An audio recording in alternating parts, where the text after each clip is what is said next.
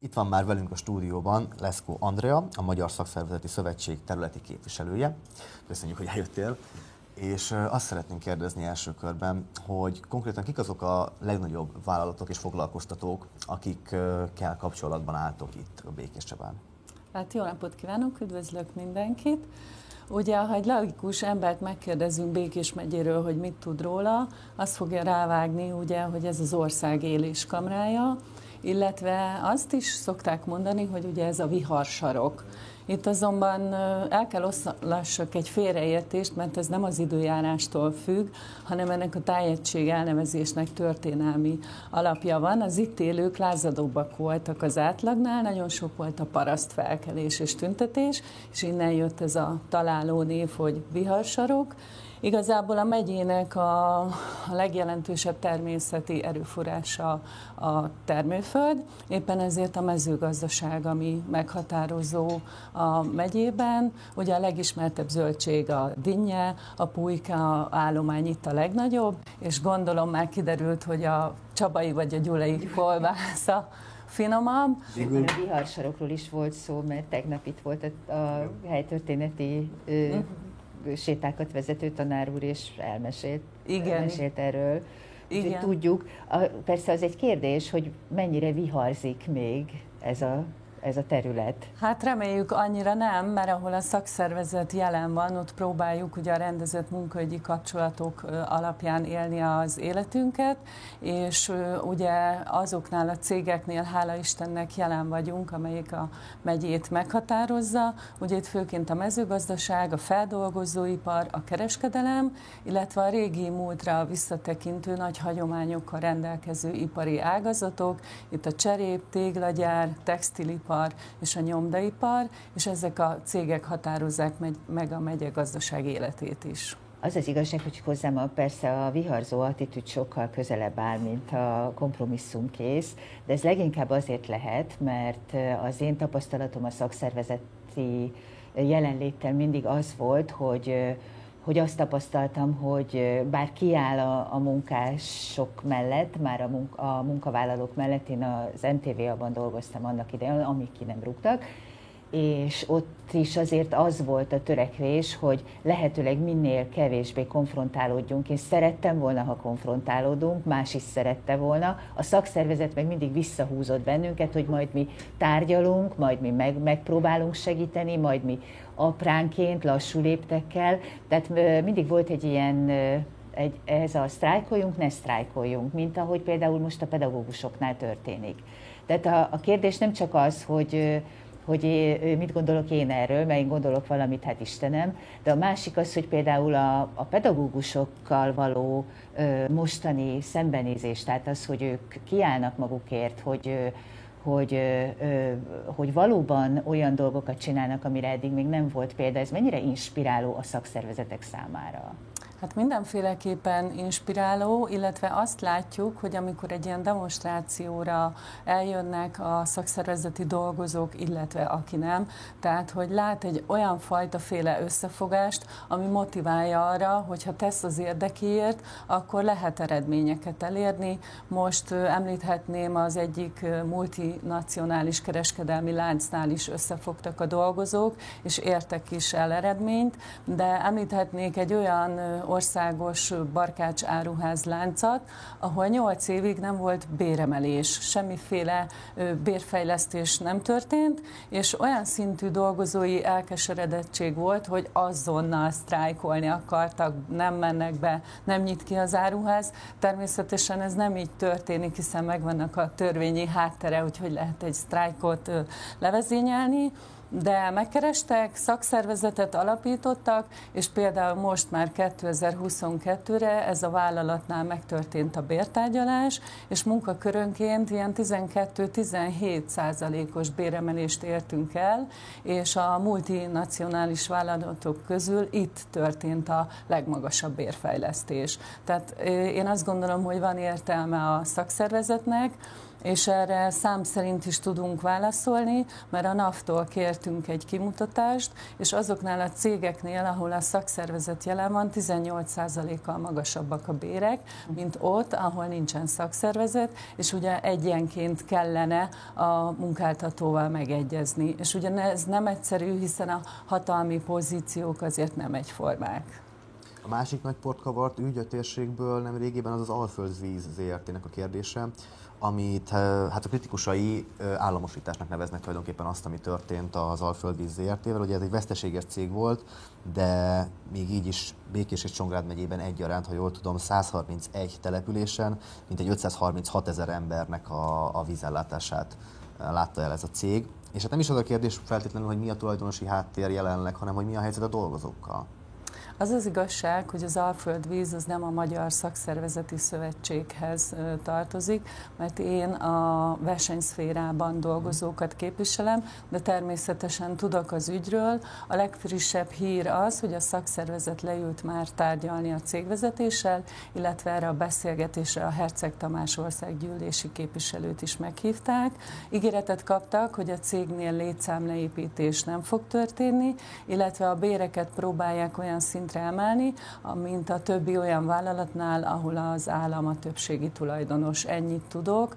Nagy a bizonytalanság a dolgozók részéről. Ugye ez a megye nem arról híres, hogy nagyon sok a munkalehetőség, félnek is a dolgozók, úgyhogy azt gondolom nagy segítség kell nekik. Én úgy szoktam fogalmazni, hogy a szakszervezet egyfajta biztonsági háló, hogy nincs egyedül a munkaerőpiacon, mert az a jó szakszervezet, szervezeti tag, aki okos. Azért okos, mert ha problémája van, akkor vagy tudja kihez forduljon, vagy tudja, hogy hova forduljon, és például egy csoportos létszámleépítésnél mi már azt tapasztaljuk, hogy a szakszervezeti tagság egyfajta pozitív diszkrimináció, mert a cég mondjuk egy 500 fős céggel akar küldeni 20 kollégát, azért megnézi, hogy ki a tag és ki nem, mert a legnagyobb probléma, amivel megkeresnek, hogy a munkaviszony megszüntetését általában közös megegyezéssel szeretné a cég. Ugye ez neki azért jó, mert akkor se a végkielégítés, se a felmondási időt nem kell megfizetni, és történt olyan, hogy a cég a személyi szabadságába is megsértette a dolgozót, tehát bezárta az irodába, és addig nem mehetett ki, míg a cég általi felmondást, amit közös megegyezéssel szeretett volna véghez vinni, a dolgozóval alá akarta iratni. Ugye tag volt, annyi szerencséje volt, hogy kikéreckedett a mosdóba, és a mobiltelefonon felhívott minket, bementünk, és egyből ö, megoldódott az ügy. De bocsánat, egy ilyen, egy ilyen, egy ilyen ö, helyzet az már nem tudom, hogy szakszervezeti hatáskör, ez már gyakorlatilag büntető. Hát igen, túlnyúlik azon. Tehát... Lett belőle eljárás egyébként? Persze, lett. Igen, igen. És ö, egyre több ilyen ügyünk van, amikor a, a cégvezetés azt gondolja, hogy a munkatörvénykönyvét az agresszióval tudja ellensúlyozni, és, és azért próbálunk, tehát a szakszervezet az csak a munkatörvénykönyvét szeretné betartani, a MASZ az nem ez az a, asztalborító szakszervezet, de azért vannak felháborító esetek, amit viszont mi sem engedünk. Mennyire védett a szakszervezet, mert számos jogosítványát elvették már, és már nem vagyok képben, hogy mennyire, mennyire lehet számítani arra, hogy a szakszervezet, mert ezt mondod, hogy a,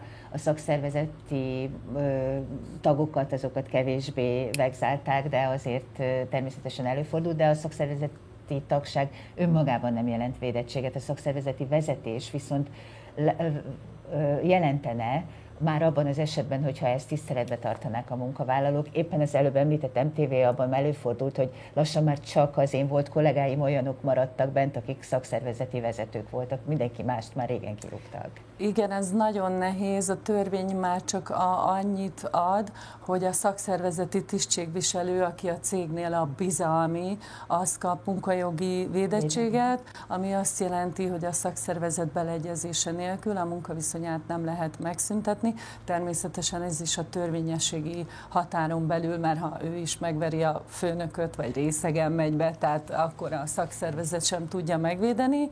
De mi azért ajánljuk, hogy a cégeknél legyen egy tisztségviselő, egy bizalmi, mert akkor a, a dolgozók név nélkül megtalálják ezt a bizalmit, akivel mi tartjuk a kapcsolatot, és neki van egyfajta munkajogi védettsége. Volt rá példa, hogy a cégvezetés ugye kikezdte ezt a kollégát, hisz neki van a legnagyobb szája, felmeli felmeri vállalni a konfliktusokat, bár az én munkakörömben is benne van, hogy tömegnek kell látszani egy-egy demonstráció alkalmával, de ugye a demonstráció is akkor ér valamit, ha ott vannak mögöttem a kollégák, ez a legnehezebb talán, mert mindenki fél. Mert félnek, persze, és hát ez honnantól tömeg? Igen. 20 ember tömeg, igen. De attól függ, hogy mekkora a cég. Igen, persze. De akkor azt elmondható nagy általánosságban, hogy a szakszervezeti tagság az tud egyfajta védelmet biztosítani, és vagy egyfajta elrettentő erőt a visszaélésekkel Meg egy szervezettséget.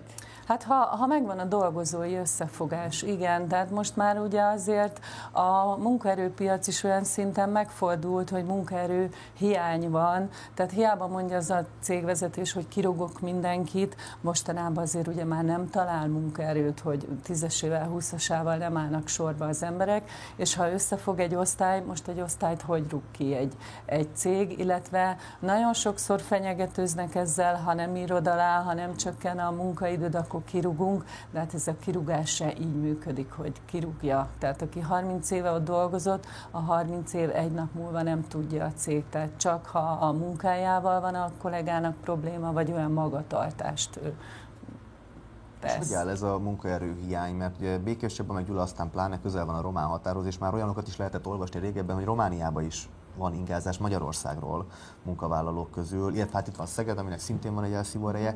Hogy áll ez az ingázás, mennyire marad Békés Csabán, Gyulán és ugye általában Békésben munkaerő?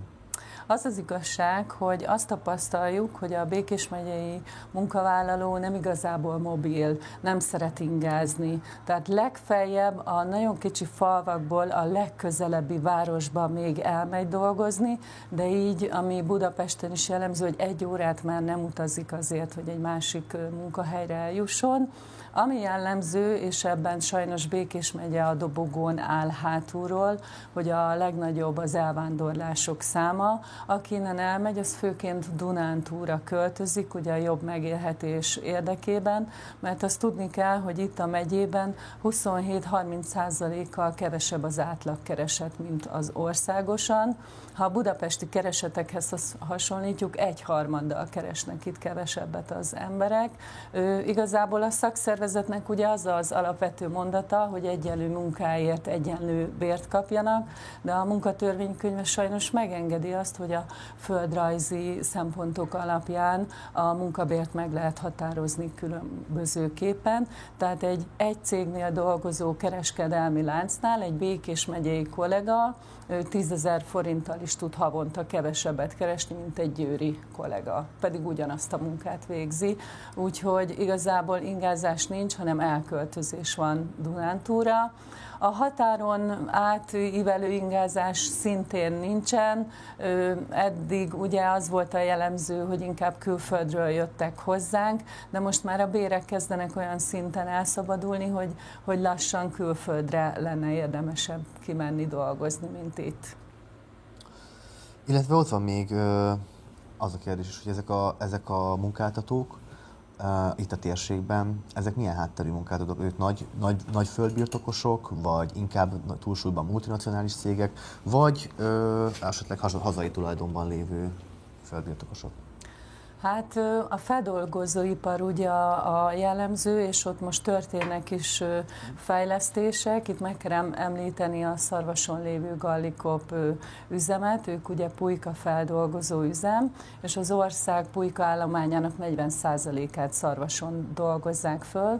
Ők most kaptak egy 10 milliárdos beruházást, ahol 4400 munkahelyet tudnak ezzel megvédeni, illetve ami most új beruházás, de Dán tulajdonú a cég, az egy sertés telep lesz, ott 50 új munkahelyet tudnak teremteni, illetve ami még nagyon különleges, az Gyulán épül, ez pedig az Airbus Helicopters Hungary Kft., és ezzel Békés megye felkerül Európa légi ipari térképére.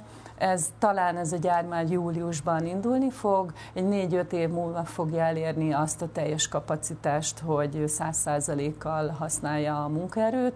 Itt olyan 250 új munkahelyet teremthetnek.